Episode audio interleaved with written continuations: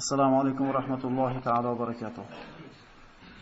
Ushbu Sayyidul ayyom va hajjul masakin bo'lgan juma kunida Alloh subhanahu va taolo ana shu bosib kelgan har bitta qadamlarimizga ajr hasanatlar yozgan bo'lsin. Va mana shu masjidda siz bilan bizni jamlagandik, jannatda Rasululloh sollallohu alayhi vasallam suhbatlarda jamlanishimizni ham Alloh nasib qilgan bo'lsin. Amin. Mana bugun inshaalloh payg'ambarlar tarixi degan silsila darslarimizni davom etkazadigan bo'ldik. Ya'ni juma kuniga ko'chirishligini e'lon qilgan edik. Juma kuni mana musulmonlar uchun bayram hisoblanadigan kun, shunday emasmi? Shuning uchun bu bayramga bayram bir kelganday bir xursandchilik bilan mana shunday shuur bilan kelishligimiz odamga bir sunnat hisoblanadi. Va qissani davom etkazadigan bo'lsak, bugun inshaalloh mana shu Qur'ondagi eng katta qissalardan bo'lgan Ibrohim alayhisolamning qissasini Alloh muvaffaq qilsa, bugun nihoyasiga yetkazamiz. O'tgan suhbatimizda Musa alayhissalom e, Ibrohim alayhissalomni mana shu o'g'li Ismoilni qurbonlik qilganligi haqida gaplashgan bo'ldik. Asosiy mavzu shu bo'ldi. Va Ibrohim alayhissalomning qissasidan oladigan eng katta xulosamiz bu Ibrohim alayhissalom mutavakkil, Allohga tavakkul qiluvchilarning ustozi ekanligini xulosa olishimiz kerakligi aytilindi.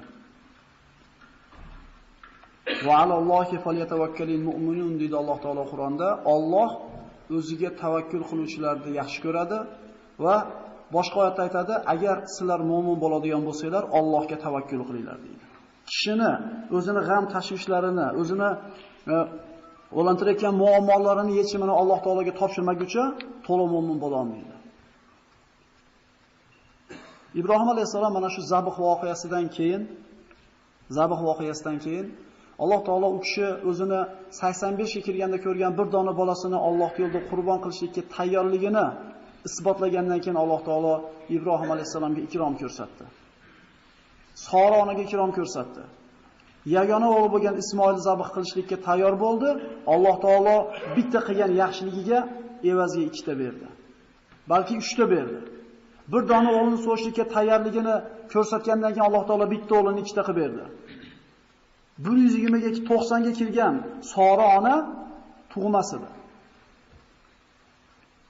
Ibrohim alayhisolamni mana shu qilgan ishiga Alloh taolo mukofot qilib, Sora onani tug'ishligi haqidagi xabarni berdi. Ya'ni ko'raylikki, Alloh taolo birni bersang, o'nni beraman, xohlasam ko'paytirib beraman degan va'dalari bor. Ularni qilgan, Allohni rozi qilishlikda qilgan harakatlarini Alloh taolo mukofotini kuttirmagan ekan. Alloh buyurdi, ular bajardi, mukofotini Alloh taolo shatta-shatta nima qildi? Berib qo'yaverdi. Ibrohim alayhisolamga mana shu Ismoilni zabh voqeasidan keyin 3 ta farishtani yuboradi.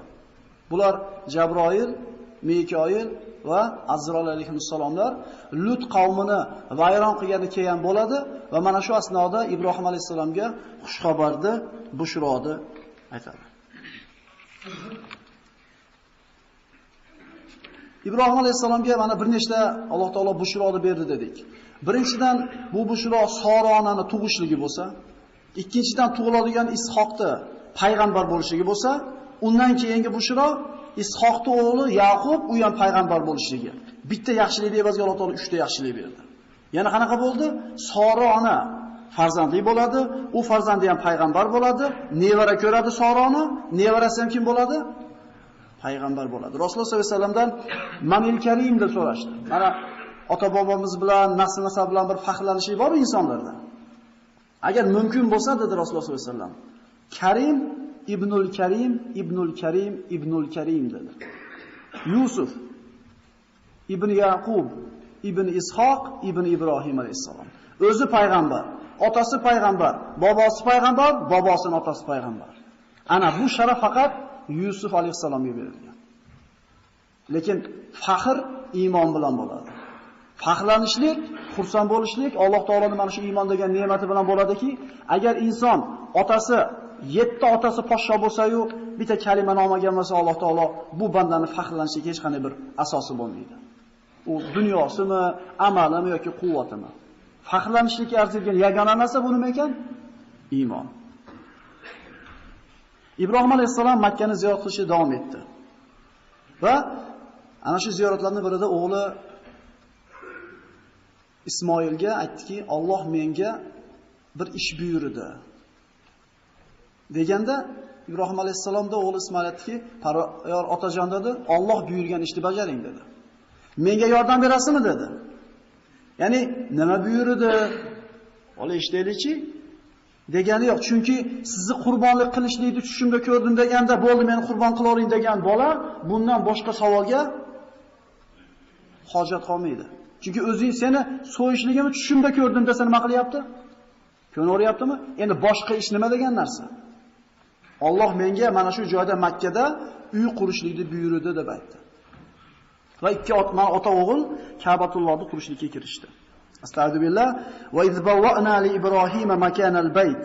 Biz Ibrohimga ana shu baytni, Ka'batullohni qurishiga o'rnini ko'rsatib berdik. Mana shu Ka'bani o'rni xususida mana bir qancha rivoyatlar bor ekan, shulardan bittasi Ibrohim alayhissalom o'sha davr o'sha joyda kavlada farishta ko'rsatgan joyda va Shis ibn Odam, Odam alayhissalomning o'g'li bo'lgan ikkinchi payg'ambar mana silsilada aytib o'tdik.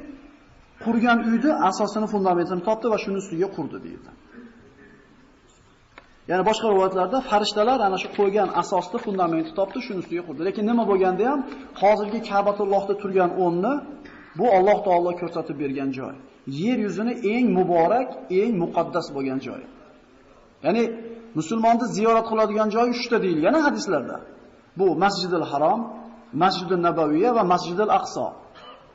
Musulmonni ziyorat qilishlikka lozim bo'lgan joylar shu. Quraysh mana davrlarida payg'ambar sollallohu alayhi vasallam payg'ambar bo'lmasdan turib Ka'bani sel oladi. Bu mashhur qissa, sirat kitoblarida bu narsa ko'p takrorlangan. Ana shu Ka'bani ta'mir qilishmoqchi bo'lgan paytlarida devorlarni yiqib buzishadi. Inshaalloh ana shu e, payg'ambarimiz tarixiga kelganimizda inshaalloh aytilib o'tinlar.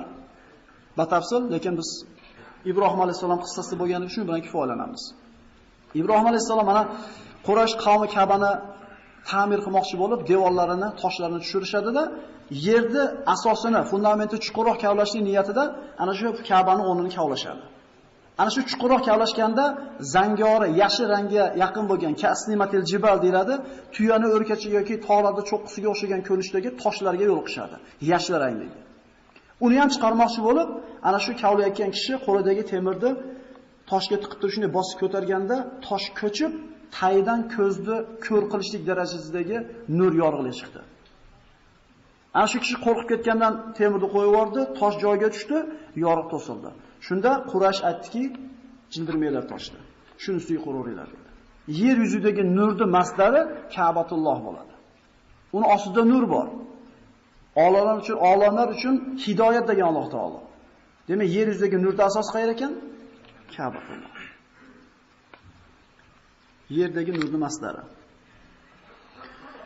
وإذ بوأنا لإبراهيم مكان البيت أن ألا تشرك بي شيئا وطهر بيتي للطائفين والقائمين وركع السجود إن أول بيت وضع للناس الذي ببكة مباركا وهدى للعالمين فيه آيات بينات ومقام إبراهيم Albatta insonlar ibodat qilishliklari uchun qurilgan uyni eng birinchisi bu muborak Bakka vodiysidagi uy. Olamlar uchun hidoyatdir uy. Ana shu uyda Alloh taoloning ochiq mo'jizalari bor. Ular qatorida maqomi Ibrohim. Yuqorida zikr qilingan nur ana shu Alloh taoloning oyatun bayyinatdan bittasi, ochiq mo'jizalardan bittasi. Maqomi Ibrohim ham ana shu Alloh taoloning Ka'baga qo'ygan buyuk mo'jizalaridan uni kezi kelganda o'rnida aytamiz inshaalloh. Va man dakhalahu kana amina. Kim Ka'batullohga kirsa, u omonlikda deb aytiladi. Astagfirullah billah va izibtala Ibrohim robbuhu bi kalimatin fa atammahun qala inni ja'iluka lin-nasi imama. Ibrohimga Alloh taolo imtihonlarni berdi, Ibrohim alayhisalom bu imtihonlardan o'tdi va Alloh aytdi: "Men sizni insonlarga imom qilaman, insonlarga boshliq qilaman" dedi. Shunda Ibrohim alayhisalom so'radi: "Qala va min zurriyati Meni zurriyotimdan ham imomlar chiqadimi? Meni zurriyotimdan ham odamlarga peshvo chiqadimi deganda Alloh shu yerda istisno qildi. Nima dedi? La yanal ahdi zolimin. Sizni zurriyotingizdan bo'lib zolim bo'lganlarga bu ahd yetmaydi dedi. Ya'ni sizni zurriyotingiz bo'lsalar hammasi imom bo'lib, hammasi odamlarga peshvo payg'ambar bo'la olmaydi. Zolim bo'lganlarga bu narsa berilmaydi. Agar kimning bolasi bo'lsa ham ular Ibrohim alayhisolamning bolasi bo'lsa ham. Qala la yanal ahdi zolimin va iz ja'alna al-bayta mathabatan lin-nasi va amna wattakhidhu min maqami Ibrohima musalla. Ana shu Ka'batullohga kelganda maqomi Ibrohimdan namoz o'qishlikka joy olinglar deb Alloh taolo buyuryapti.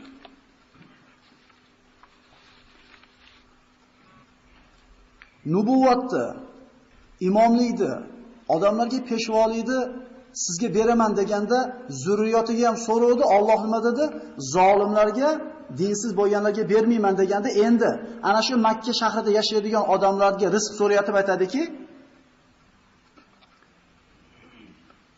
Warzuq ahlahu minas samarati man amana minhum billahi wal yawmil akhir.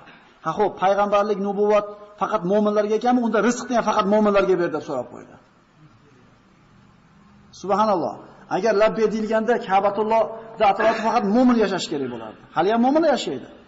Lekin rizqni Alloh taolo hammaga teng taqsim qilishligini quyidagi oyatda bizga bayon qilyapti. Qola va man kafar. Kofir bo'lganlardan rizqini nima qilaman? Yetkazaveраman. Demak, rizq mu'min kofirlikka qaralmasdan berilaveradigan Allohning marhamati ekan.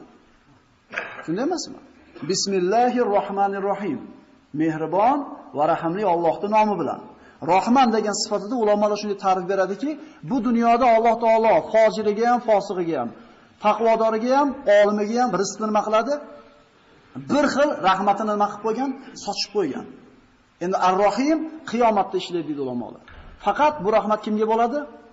Mo'minlarga bo'ladi. Demak, Ibrohim alayhissalom rizqni payg'ambarlikni meni zurriyotimdan yaxshilarga berganingdek, rizqni ham faqat yaxshilarga berdi, yo'q dedi. Unda hamma yaxshi bo'lib ketardi dedi. Bu Allohga ibodat qilmagan odam qirilib ochlikdan o'lib ketaversa, hamma ibodat qilmay nima qilardi? Demak, rizq masalasi hammaga teng sochiladi.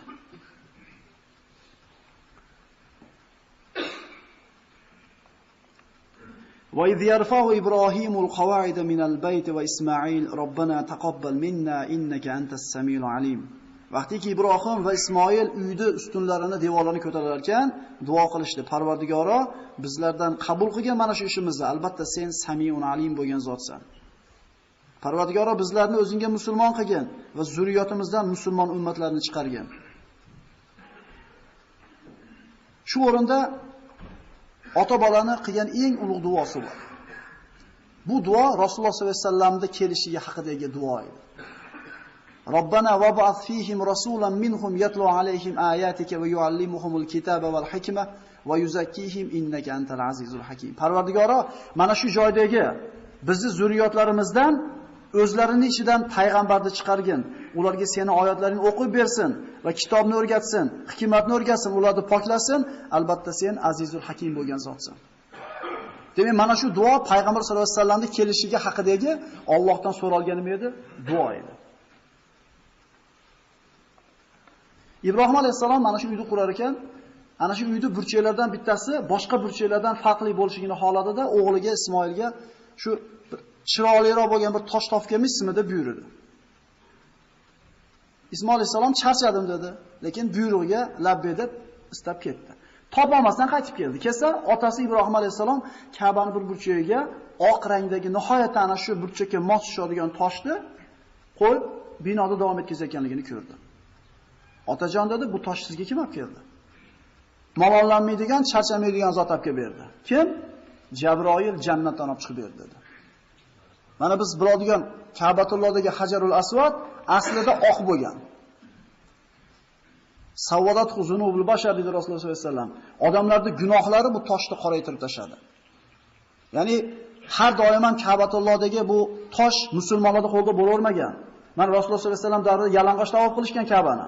Mushriklar. Qurayshda tijorat yurish uchun Quraysh shunday hukm chiqargandiki, kim Ka'batullohda tavof qilgani kelsa, faqat Qurayshdan olgan kiyim bilan tavof qilsin, bo'lmasa yalang'och tavof qilsin deydi. Bu albatta dunyo tijorat, boshqa bir niyat yo'q. Yalang'och tavof qilishar edi. Rasululloh sollallohu alayhi vasallam Makkani fath qilganlardan keyin bu johiliy urfga chek qo'yildi.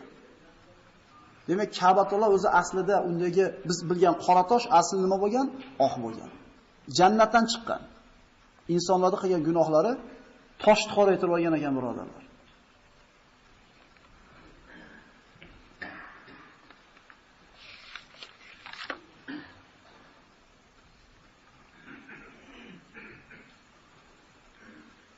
Ibrohim alayhisalom uyni qurishni davom etkazdi va bo'yi yetmay qoladigan darajada baland ko'tarilganda o'g'liga buyurdi, bir toshlab tab kelib oyog'ini toyga qo'yib berdi.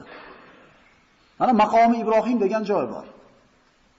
Bu yerda vallohu alam ko'rmagan odamda o'zi bo'lmasa kerak. Chunki televizor bor, suratlarni ko'ryapmiz. Ana shu kichkinagina gumbazga o'xshatib qo'ygan narsaning ichida e'tibor bergan bo'lsanglar, borganlarimiz ikkita oyoqda izi turadi. Toshga inson bolasini oyog'i izi chiqib qolgan. Ana shu Alloh taolo aytayapti, fihi ayatun bayyinat. Unda ochiq Allohning mo'jizalari bor deyilyapti. Maqomi Ibrohim, demak, Allohni Ka'batullohga qo'ygan mo'jizalardan bittasi ana shu Ibrohim alayhisalomni toshga botib qolgan oyog'ini izi. Ana shu tosh haqida bir qancha rivoyatlar bor. Qasmi sahih bo'lganda ham bu Ka'batullohdagi mana shu joy mo'jizalardan hisoblanadi. Ka'baga suyab qo'yib, ustiga chiqib devor urdi deyiladi. Shunda oyog'i botib qoldi deyiladi. Ikkinchi rivoyatda Ka'bani hech qanday bir e, handasaviy asboblarsiz o'lchamasdan qurganligi uchun quruvchi bo'lmaganligi uchun quru bo'lib turib, ana shu tosh ustiga chiqib qarab turardi. Qaysi tomoni to'g'ri, qaysi tomon shunda botib qoldi deyiladi. Lekin qaysi holi rivoyat sahih bo'lgan chog'ida ham Ka'batullohda ana shu bosilgan oyoq izi bu Ibrohim alayhisalomning oyog'ini izlari hisoblanadi. Biz bunga iymon keltirishimiz kerak.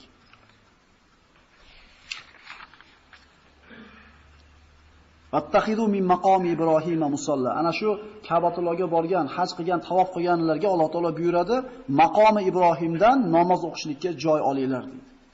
Mana masjidda o'zini odobi, agar agar emas o'zi doim ham tiqilinch bo'ladi Ka'batulloh. Shunday emasmi?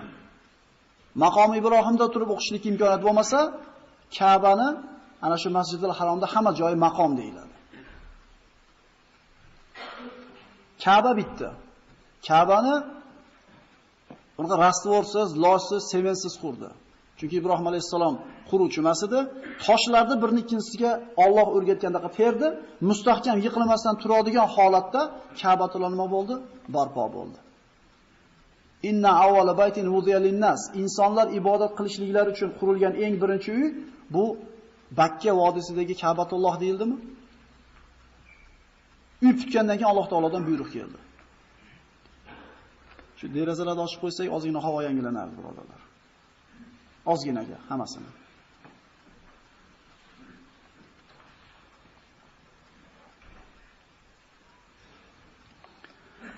Astagfirullah walillahi alan nasi hajjul bayti man istata'a ilayhi sabila wa man kafara fa innalloha g'aniyun 'anil alamin. Allohning insonlarning ustida haj qildirishlik haqqi bor. Kim bundan bosh tortsa, albatta Alloh butun olamlardan behojat bo'lgan zot. Ya'ni qodir bo'lgan odam haj qilishligi o'ziga kerak, Alloh taologa emas. Shuncha aytayapti, Fa innalloha g'aniyun anil alamin. Sizlarni o'qigan qilgan hajilardan, sadaqa, zakot, namozlardan men behojatman deyapti Alloh taolo. Va Haj surasining 27-oyatda Alloh taolo marhamat qiladi: "Va azzin fin nasi bil hajj." Ey Ibrohim, odamlarga endi Ka'ba bitdi, haj qilinglar deb buyuring dedi. U paytda unaqa odam ko'p pas edi. Ibrohim alayhisalom tabiiy savolni berdi. Odamlarni, ya'ni yer yuzidagi hamma insonlarni haj qilishlikka chaqiring deganda, Parvardigor men bitta odam bo'lsam, qana qilib yetkazaman? Odamlarga qana qilib yetkazaman ovozimni? Ya'ni bu yerda ana shu Allohga bo'lgan tavakkul akalar. Alloh taolo buyurdimi? Ya Ibrohim, innama alaykal azan va alaynal balagh. Siz ozonda aytib qo'ying, yetkizishlik bizi bo'ynimizda dedi Alloh taolo. Va Ibrohim alayhisalom Allohning buyrug'iga labbay deb javob bergan holda Arafat tog'iga ko'tarilib turib, odamlarni haj qilishlikka chaqirdi. Alloh taoloning buyuk mo'jiza sodir bo'ldi. Ana shu davrda yashayotgan odamlarning hammasi Ibrohim alayhisalomning ovozini eshitdi. Nafaqat u vaqtdagi odamlar, balki qiyomatgacha yashaydigan mu'minlarning qalbiga Alloh taolo bu chaqirig'ini joylashtirib qo'ydi. Ka'batullohga bo'lgan muhabbatni solib qo'ydi. Bormagan bir borsam deydi Ka'batullohga. Borgan odam 10 borsam deydi. Ya'ni qalbimizga muhabbatni Alloh taolo joylab qo'yganligini shundan bilsak ham bo'ladi. Demak, siz faqat ozonda aytib qo'ying, yetkazishlik bizning zimmamizga dedimi? Bundan nima xulosa olamiz? Biz bundan. Biz odamlarga Allohning so'zini yetkazib qo'yishlik bizning zimmamizda. Aytib qo'yishlik. Lekin ularni qalbiga joylashlik Alloh taoloning ixtiyori hisoblanadi. Wa'azzim fil-nasi bil-hajji بِالْحَجِّ rijalan رِجَالًا ala kulli ضَامِرٍ يَأْتِينَ min kulli fajjin amiq. Siz faqat chaqiring xolos, insonlar otda, tuyada, piyada haj qilgan ana shu turli vodiylardan kelishadi. Alloh taoloning mo'jiza ilohiyasi bilan mana shunday haj ibodati boshlandi. Ibrohim alayhisalom mana Falastinda yashar edi. Halilur Rahman Allohni do'sti edi. Ittahadalloh Ibrohima Halila. Alloh Ibrohimni o'ziga do'st qildi deb aytdik. Al-hilla degan so'z bu hub, yaxshi ko'rishlik degan so'zdan ustunroq bo'lgan so'z. Qalbni muhabbat bilan to'lib toshishligi degan ma'noda bildiradi. Mana ko'pgina ishoralarda Rasululloh sollallohu alayhi vasallam hadislarda keladi. Payg'ambar alayhisalomdan keyingi o'rnida turadigan eng afzal payg'ambar bu Ibrohim alayhissalom. Boshqa rivoyatlarda baribir, baribir hamma odamlar Muhammad alayhissalomni havas qilganidek, Ibrohim alayhissalom ham Rasululloh sollallohu alayhi vasallamni havas qilar ekan. Mana shu o'rinda juda bir ibratlanadigan bir e, voqea sodir bo'lgan Alloh taolo bilan Ibrohim alayhissalom o'rtasida. Ibrohim alayhissalom Alloh taolodan so'radi. Va iz qala Ibrohim robbi arini kayfa tuhyil mauta. Parvardigor, o'liklarni qanday qilib tiriltirasan? Bir ko'rsatgin menga dedi. Ya'ni Ibrohim alayhisalomning iymonida shubha yo'q. Shunday emasmi? U o'tkirib to'g'ri ekanda ham iymoni bor edi, bolani so'ydaganda ham, Ka'ba qurdaganda ham, Makka ga tashlab ketganda ham labbay deyapti. Iymonida zarracha shubha yo'q edi. Lekin so'rayapti. Shu bir nozik narsa bor shu yerda. Diqqat qilamiz. Nimaga so'rayapti? Alloh taolo so'raydi, "Qola avalam tu'min?" Nima? Ishonmaysanmi dedi. Demak, savol savol joiz bu yerda. Hech kim iymoni Ibrohim alayhisolamnikida qilib bo'lmaydi bu yerda o'tirganlarda. Shuning uchun bir narsani bilish uchun so'rashlik mumkin bo'ladi. Har qancha bir ajib ko'rinmasin. Faqat bilishlik uchun savol bir necha ma'noda beriladi. So'ralayotgan odamni ilmini sinash uchun, e, mujodala qilish uchun yoki bo'lmasam bilishlik uchun. Shunday emasmi? Kim ilmni Rasululloh sollallohu alayhi vasallam ahmoqlar bilan tortishlik uchun, ulamolarga savol berib qotirishlik uchun o'rganadigan bo'lsa, u ilm ilm emas. Bu yerda deydi ulamolar, ikki xil ilm haqida gap ketyapti mana shu oyatda. Parvardigor qanday qilib o'linglar tiriltirasan deganda, ishonmaysanmi desa ishonaman, lekin qalbim xotirjam bo'lishi uchun deydi. Biz dadamiz aytgani uchun namoz o'qimaydik. Biz hamma bor deyapti-yu qiyomatda. Shuncha odam endi adashmayotgandir deb bunaqa ommaga ergashmaylik. Har bitta odam o'zi qalbi taskin topadigan darajada Allohni tanitadigan ilmga ega bo'lish shart. O'shuning uchun Alloh Rasululloh sollallohu alayhi vasallam aytayapti. Har bitta erkak ayolga ilm o'rganishlik farz. 5 dan qabrgacha ilm o'rganing. Sizni shubhaga solib qo'ymaydigan, o'zingizni mustahkam turishingizga sabab bo'ladigan darajadagi ilm o'rganishlik farz hisoblanadi. Undan oshig'i farzi kifoya. Ikki xil ilm bor bu yerda. Ilmul yaqin va aynal yaqin. Aynul yaqin. Ilmul yaqin nima degani? Ilmul yaqin degani bir kishi bir narsaga qattiq ishonishligi. Hech shak shubha qilmasdan zarracha qalbida shubhasiz 100% iymon keltirishi ilmul yaqin. Yaqin degani ishonch degani. Ishonch ilmi degani. Bitta misol bilan tushuntiramiz buni. Umar roziyallohu anhu aytgan ekan. Agar hozir ko'zim oldida osmon yorilib, o'zini iymoniga ta'rif beryapti-da. Osmon yorilib, bir tomonda jannat, bir tomonda dozoq ko'rsatilinsa menga. Ko'zim bilan naq ko'rsam ham iymonimga yana boshqa narsa qo'shila olmaydi, chunki yetgan cho'qqisiga. Shubha qilmayman, ko'rsatilganda ham, ha, bor ekanmi degan yangilik bo'lmaydi, chunki men ko'rmasam nima qilyapman bu narsaga? Bizda bormi shu? Keyingi darajasini qaraylik. Keyingi darajasi aynul yaqin. Endi aynul yaqin degani kishi shubha qilmasdan ishonayotgan narsani ko'rishligi. Shundaymi? Ko'rmasdan turib ishonishlik zo'r narsa. Lekin ko'rgandan keyingi bo'lgan ishonch qanaqa bo'ladi? Ko'rib keldingizda, yerda o'tirgan odam hammasi, "Yo'q, unaqa emas, yomg'ir yog'yapti" desa, siz ko'rib keldingiz. Siz yog'mayapti, mustahkam tura olasiz. Ana shu deylik falon joyda bir e, degan shahar bor ekan deb 10 ta odam aytsa, bo'lsa kerak shuncha odam yolg'on gapirmayapti deysiz. Agar sizga shu Sanoq degan shaharda aktivitkalarni ko'rsatsa, ha deysizda iymoningizga nima bo'ladi? Endi borib kelganingizdan keyin bu haqida sizga gap bo'lishi mumkin emas. Hamma bunday shahar yo'q deb turgan holatda ham nima deya olasiz? Siz ko'rib kelganligingiz uchun sizni iymoningizni hech kim shubhaga sola olmaydi. Demak, ilmul yaqin bir narsani ko'rmasdan turib aniq ishonishlik, aynul yaqin ana shu narsani ko'rganda ishonishlik. Ibrohim alayhisalomda ilmul yaqini aynul yaqinga aylandi. Ishonchni o'ziga aylandi. Xuddi jannatni ko'rib yoki do'zaxni ko'rgandek. Rasululloh sollallohu alayhi vasallam Meroj Isro va Meroj voqeasida ko'rib tushganmidi jannatni do'zaxni? Rasulullohga aynul yaqin edi. Ibrohim alayhisalom o'zidagi ilmul yaqinni aynal yaqinga aylantirmoqchi bo'lib, Parvardigor o'liklarni qanday qilib tiriltirasan, menga ko'rsat dedi. Nima uchun? Qalbim xotirjam bo'lishligi uchun. Alloh taolo buyurdi: "Qala fakhudh arba'atan min at-tayri fasurhunna ilayka thumma ij'al 'ala kulli jabalin minhunna juz'a thumma duhun thumma ud'uhunna ya'tinaka sa'ya." To'rtta qushni oling dedi. Va aralashtiring dedi. Haqiqatan Ibrohim alayhisalom to'rtta qushni oldi, kallasini chopib olib turib, qolgan qismini rivoyatlarda qiymaladi. Pati, suyagi, terisi, go'shi bilan qiymalab aralashtirdi. Tog'ni to'rtta to'rtta tog'ni cho'qqisiga qo'yib chiqdi. So'ngra Alloh taoloning buyrug'iga muvofiq chaqirdi ularni.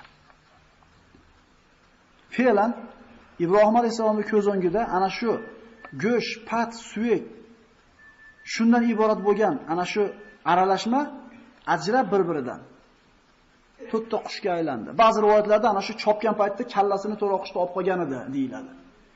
Ana shu kallasi yo'q bo'lgan qushlar holatda jamlandi va Ibrohim alayhisolamning oldiga kelib, boshlarini olib komil bo'lishdi. Ibrohim alayhisolamning aniq ishonchi ishonchni o'ziga aylanib qoldi. Va alam annalloha azizun hakim. Biling ey Ibrohim, albatta Alloh aziz bo'lgan va hikmat egasi bo'lgan zot. Alloh o'zi biladi. Subhanalloh. To'tta qushni qiymalanib yig'ilishligi Ibrohim alayhisolamning qalbiga taskin beryapti, iymoniga quvvat bo'lyapti. Lekin Alloh adashtirgan kimsalarni o'zlarini talabiga binoan o'zlari sifatlab bergan suratda chiqqan tuyani nima qilishdi? So'yib yeb qo'yishmadimi? O't kirg'itganda Ibrohim alayhisolamni kuymasdan chiqqanini ko'rib iymon keltirish tura olmadimi? Demak, hidoyat Alloh berganlarga bo'ladi. Hidoyat Alloh tomoniga birinchi qadamni bosganlarga beriladi. Alloh insof bersa men ham namoz o'qib qolarman deb o'tirib bo'lmaydi, birodarlar. Allohdan so'rab birinchi qadamni bosishlik kerak bo'ladi. Ibrohim alayhisolamga Alloh taolo sahifalarni nozil qilgan edi. Suhufu Ibrohima inna hada la fi suhufil ula suhufu Ibrohima va Musa. Musa va Ibrohimga berilgan sahifalar. Rasululloh sollallohu alayhi vasallamdan "Ya Rasululloh, Ibrohimga tushgan sahifalarda nimalar bor edi?" Ya'ni qiziqarli odamga. U paytda qanaqa buyruqlar bor edi? Shunda Rasululloh sollallohu alayhi vasallam marhamat qilgan, ularni ana shu sahifalarda hammasi ibrat edi. Rasululloh sollallohu alayhi vasallam ana shu sahifalardan bir qanchasini keltirib aytib o'tadi. Ana shu sahifalardan payg'ambar sollallohu alayhi vasallam aytib beryapti.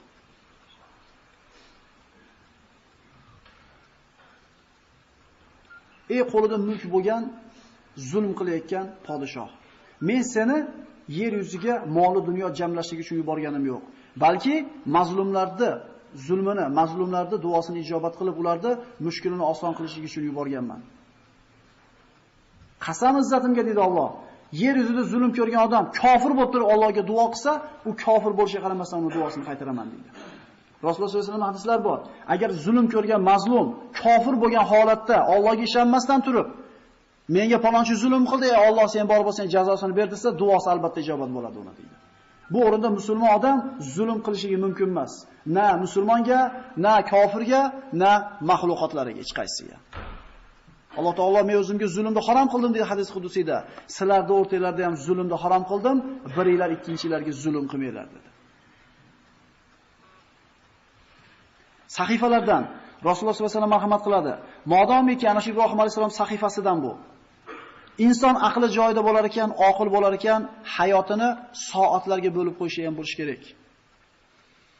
Robbisiga munojat qiladigan soati bo'lish kerak. Munojat deydi Rasululloh. Juda ko'pchilik esdan chiqarib yuborgan ibodatni marhamat qilgan. Munojot nima ekan? Munojot inson ro'parasida turgan odam bilan gaplashganda ovozini chiqarib gapiradi. Shundaymi? Eshitayotganligini aniq biladi-da. Inson yolg'iz qolganda Robbisiga ro'parasida turgan odamga gapirgandek ovoz chiqarib gapirishligi munojot bo'lar ekan. Haqiqatan juda ko'pchiligimiz bu narsadan bexabarmiz. Shu ibodatni qilib ko'raylik. Ya'ni yolg'iz qolganingizda, ko'chada yolg'iz ketayotganingizda yoki burchakda o'tirgan paytingizda hech kim yo'q joyda ovozingizni chiqarib Robbingizga gapirishga bir harakat qilib ko'ringchi. Mana bu joyingiz yumshaganligini his qilasiz. Vallohi qalbingiz yumshaydi. Albatta, qofiyasini keltirishlik shart emas, birodarlar. Ha, bir ikkingizga ulanishligi shart emas. Dardingizni otangizga aytasizmi? Dardingizni oshnangizga aytasizmi? Fa idza sa'alaka ibadi anni fa inni qarib ujibu da'wata da'i idza da'an. Nahnu aqrabu ilayhi min hablil warid dedi Alloh.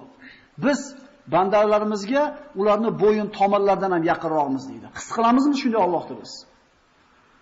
Ey Muhammad alayhisalom, bandalarim men haqimda sizdan so'rasa ayting, men ularga yaqinman. Duo qilsa ijobat qilaman, so'rasa beraman deyapti. Duo degani faqat qo'lni ochishlikda duo, albatta bu duo bu. Lekin insonni Robbisi bilan gaplashishligi ham duo. Hammani ichida duo qilamiz. Hammani ichida mo'min qobil bo'lib yuramiz. Lekin yolg'iz qolganimizda Alloh bilan gaplashaylik. Mana shuni vazifa qilib olinglar o'zingizlarga. Bir hafta gaplashib ko'raylik. Mana bu qalbingiz qanaqa yumshaganligini, bo'shaganligini, Alloh dardingizni olganligini ko'rasiz. Yolg'iz qolib Robbingiz bilan gaplashib ketib, maza qilishni o'rganib olganingizda, yoningizga bitta odam kelib, birga ketaylik, hamroh bo'lib desa, chunki sizni nima qilyapti u? Huzuringizni, kayfingizni buzyapti. Chunki Robbingizga dardingizni aytyapti u desiz. Shunday emasmi? Odam bolasiga o'zi dardini aytsak, qanaqa qalbi yumshaydi. Ha u uni g'ami o'ziga yetarli. Lekin odob yuzasidan o'lgan kunda eshitib qo'yadi. Odamga gapirib turib qalbimiz yoziladi. Nimaga Robbimizga gapirib yo qalbimiz yoza olmaymiz biz? Mana siqilish, stress, nerv degan narsalar yengil bo'ladi. Hayot rangni yo'q qoladi, birodarlar. Agar ana shu g'amni o'zini egasiga topshirsak. Alloh taolam bir mushkulga sholib, bir dard berib turib qarab turadi. Qani, kimga aytasan dardingni? Shunali bo'ldimi munojot degan ibodat? Bu eng bir shirin narsalardan. Mana qilib ko'raylik shu narsani. Lekin uyalmaylik. Chunki Robbimizdan boshqa hech kim yo'q. Shundan ekan birga borib kelamiz, gaplashib degan gap bo'lmaydi. Yolg'izlikda qolib qolasiz. Chunki uni mazasini tushunib qoldingiz. Ana shu sahifalardan kishilarni Alloh taoloning yaratgan mahluqotlari haqida fikr yurgizadigan soatlari bo'lishi kerak. Inna fi xalqis samawati val ardi va ixtilafil layli wan nahar. Osmon yerni yaralishida, kun bilan tunda almashib turishligida aql egalari uchun Allohning qudratini, Allohning ulug'ligini tanitadigan oyat, alomatlar bor. Vaqtimiz yo'q biz unga. Shoshilish. Vaqtim yo'q, shoshilib turibman. O'zi qara ko'rsang, vaqtimizdan Alloh barakani olib qo'yaptimiki, bekarchimiz ham vaqtimiz yo'q hech narsaga. Bekar o'zi. E, men tezroq borishim kerak, tezroq menga duo Alloh akbar chiqib ketadi, bekar chiqib hech narsa yulgimaydi. Demak, musulmon odamda ana shu hayotini bir soati bo'lishi kerakki, Allohning mahluqotlari haqida fikr yuritsin. Bu ana shu Ibrohim alayhisolamning sahifalardagi narsalardan.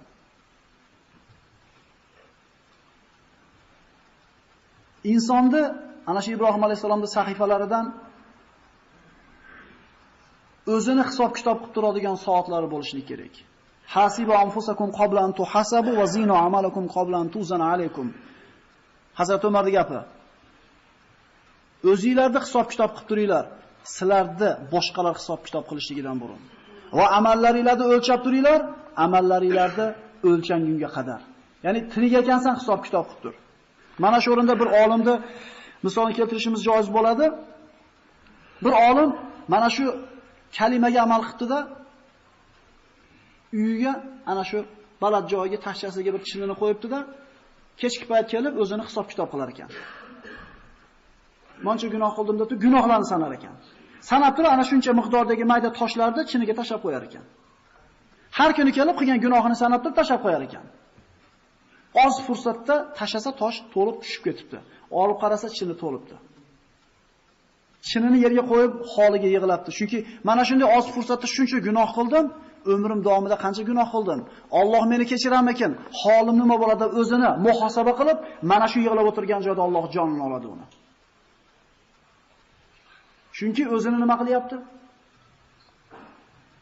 Biz faqat o'zimiz yaxshiligimizni ko'ramiz, shunday emasmi? Ancha-muncha yaxshi bo'lib qoldingiz, ancha-muncha qilinglar tashladingiz, hali qancha qilg'ilab turibdi. Musulmon odam tevaga qarashni kerak emasmidi bu taqvo masalasida? Biz taqvo masalasi bu onamdan ko'ra yaxshi bo'lib qoldim men. Yo, bu taqvo masalasida o'zimizdan yuqori bo'lgan odamlarga qarashimiz kerak. Payg'ambarlarga va sahobalarga. Demak, aytilgan hikmatlardan bu muhosaba. Insonni Allohdan rizqini halol mehnat bilan topishlikka duo qiladigan soatlar bo'lishi kerak. Parvardigor menga bergan rizqingni halol yo'l bilan bergin. Chunki sizga keladigan rizq halol yo'l bilan ham kelishi mumkin, harom yo'l bilan ham kelishi mumkin. Inson buni o'zi kasb qiladi. Lekin o'shish keladi. Shunday emasmi? Yana ana shu sahifalardan inson faqat 3 ta o'rinda o'zini jonini qiynab, jonini qaytishi mumkin. Boshqa joyda mumkin emas jonini qiynashi deydi. O'zingga ham rahming kelsin deb qo'yamiz u. Birinchisi, oxirat uchun tayyorgarlik ko'rishligida inson o'zini qiynashligi mumkin, balki kerak. Ikkinchisi, rizq kasb qilish uchun, bola chaqa boqishlik uchun mehnat qilganda jonini qiynashligi mumkin. Va haloldan lazzatlanishlik yo'lida o'zini jonini ishlatish mumkin. Bitta kishining ustida 3 ta haq bo'ladi. Ustoz Mavdudiy kitobida keladi.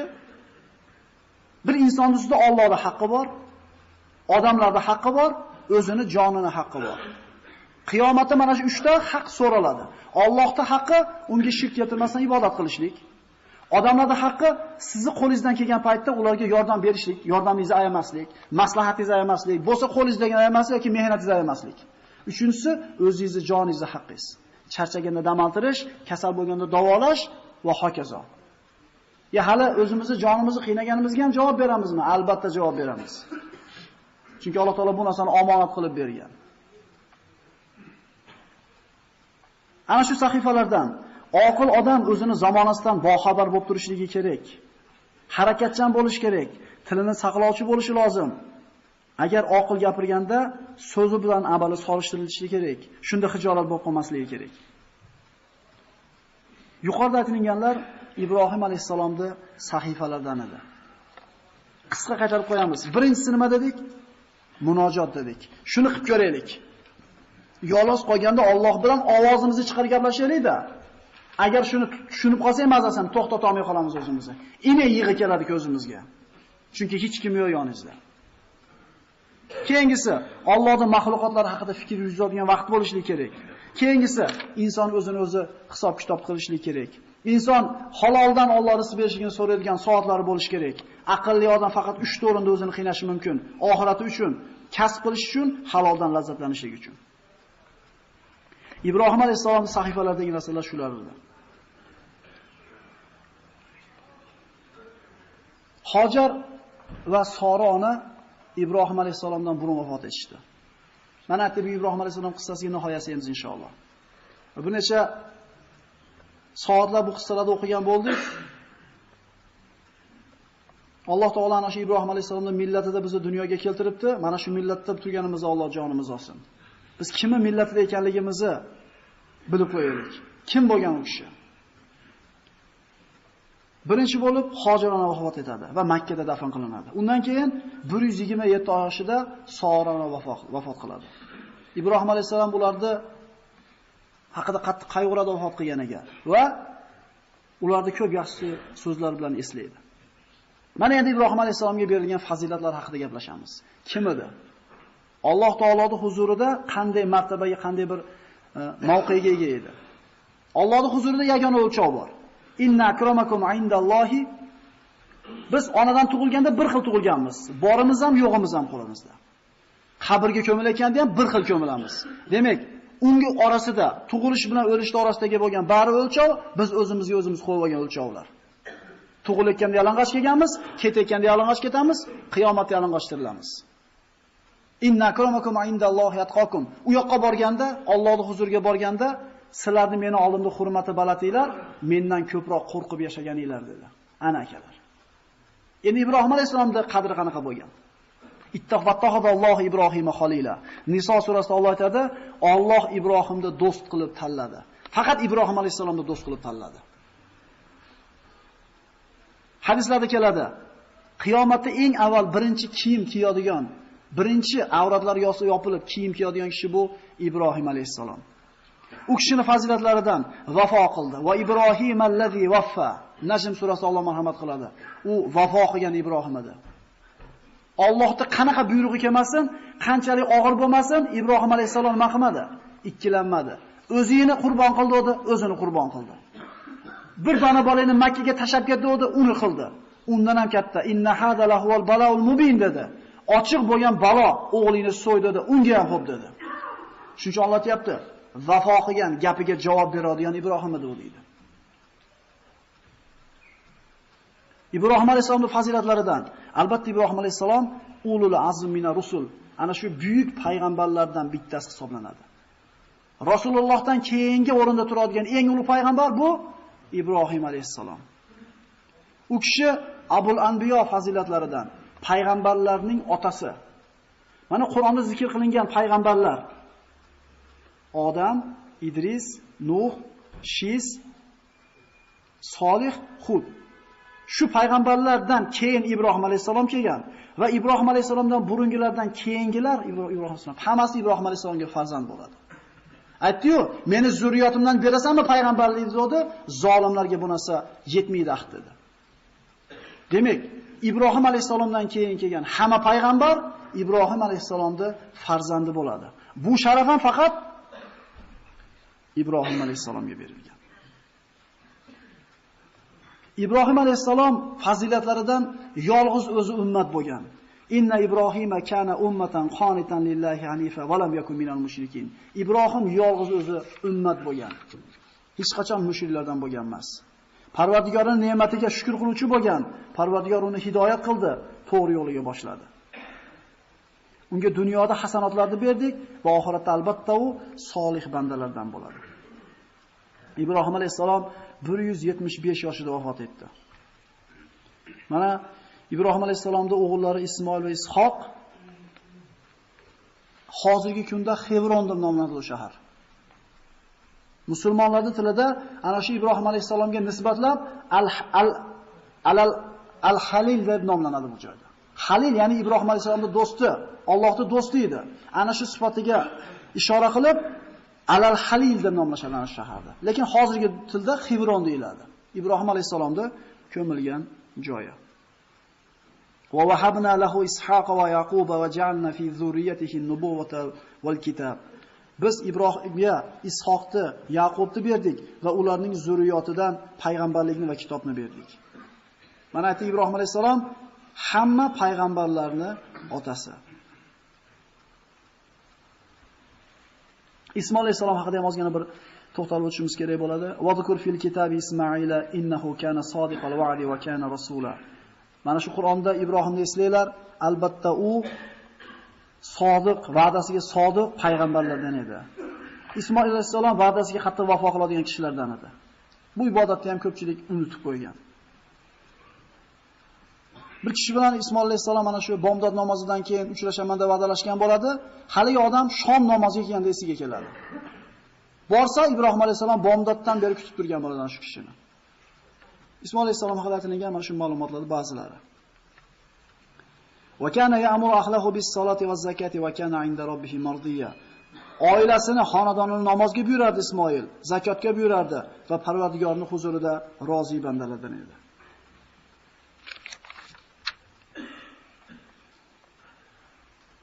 Iso alayhisalom haqida mufassal bir sahih bo'lgan ma'lumotlarga ko'p emas. Sabila va vahabna lahu ishaqa va yaquba nafila va kullan ja'alna solihin va ja'alnahum a'immatan yahduna bi amrina va uhayna ilayhim fi'lal khayrat va iqomas sola va ita'iz zaka va kanu lana abidin. Iso alayhisalom taxminan 175 yoshida vafot etadi. Ana shu Xivron yoki Al-Halilda dafn qilinadi. Ismoil alayhisalom esa Makka da dafn qilindi. Ulug' payg'ambarlarning biri, payg'ambarlarning otasi, Allohning do'sti Ibrohim alayhisalom qissasi, mana shu ikki o'g'lining qissasi mana shu o'rinda nihoyasiga yetadi. Va bu qissa oxiriga yetar ekan, eng katta xulosani olaylik. Ibrohim alayhisalom hayotini har qanday holatida Robbisiga tavakkul qiluvchi bo'lgan. Va man yatawakkal alallohi fa huwa hasbuhu. Kim Allohga suyansa, Allohga o'zini topshiradigan bo'lsa, bu kishining ishi Allohning zimmasida bo'ladi. Shuni shior qilib olaylik. Chunki Alloh taolo bu Qur'ondagi qissalarni bir eshitib maza qilib qo'yish uchun, bir ko'ngil xushligi uchun tushirgani yo'q. Ibrat olinglar, o'rganinglar, sizlar uchun ibrat, qudva mana shu kishilar deb Alloh taolo bizga dars beradi. Inshaalloh keyingi suhbatda Alloh nasib qilsa, Ibrohim alayhisolamning davrida sodir bo'lgan va yer yuzida fisq fujurda cho'qqisiga chiqqan va alal oqibat yerni tagiga shunday ko'miri vayron bo'lib ketgan qavm Sadum qavmi haqida va ularga yuborilgan Lut alayhissalom haqida suhbatlashgan bo'lamiz inshaalloh. Assalomu alaykum va rahmatullohi taolo va barakatuh.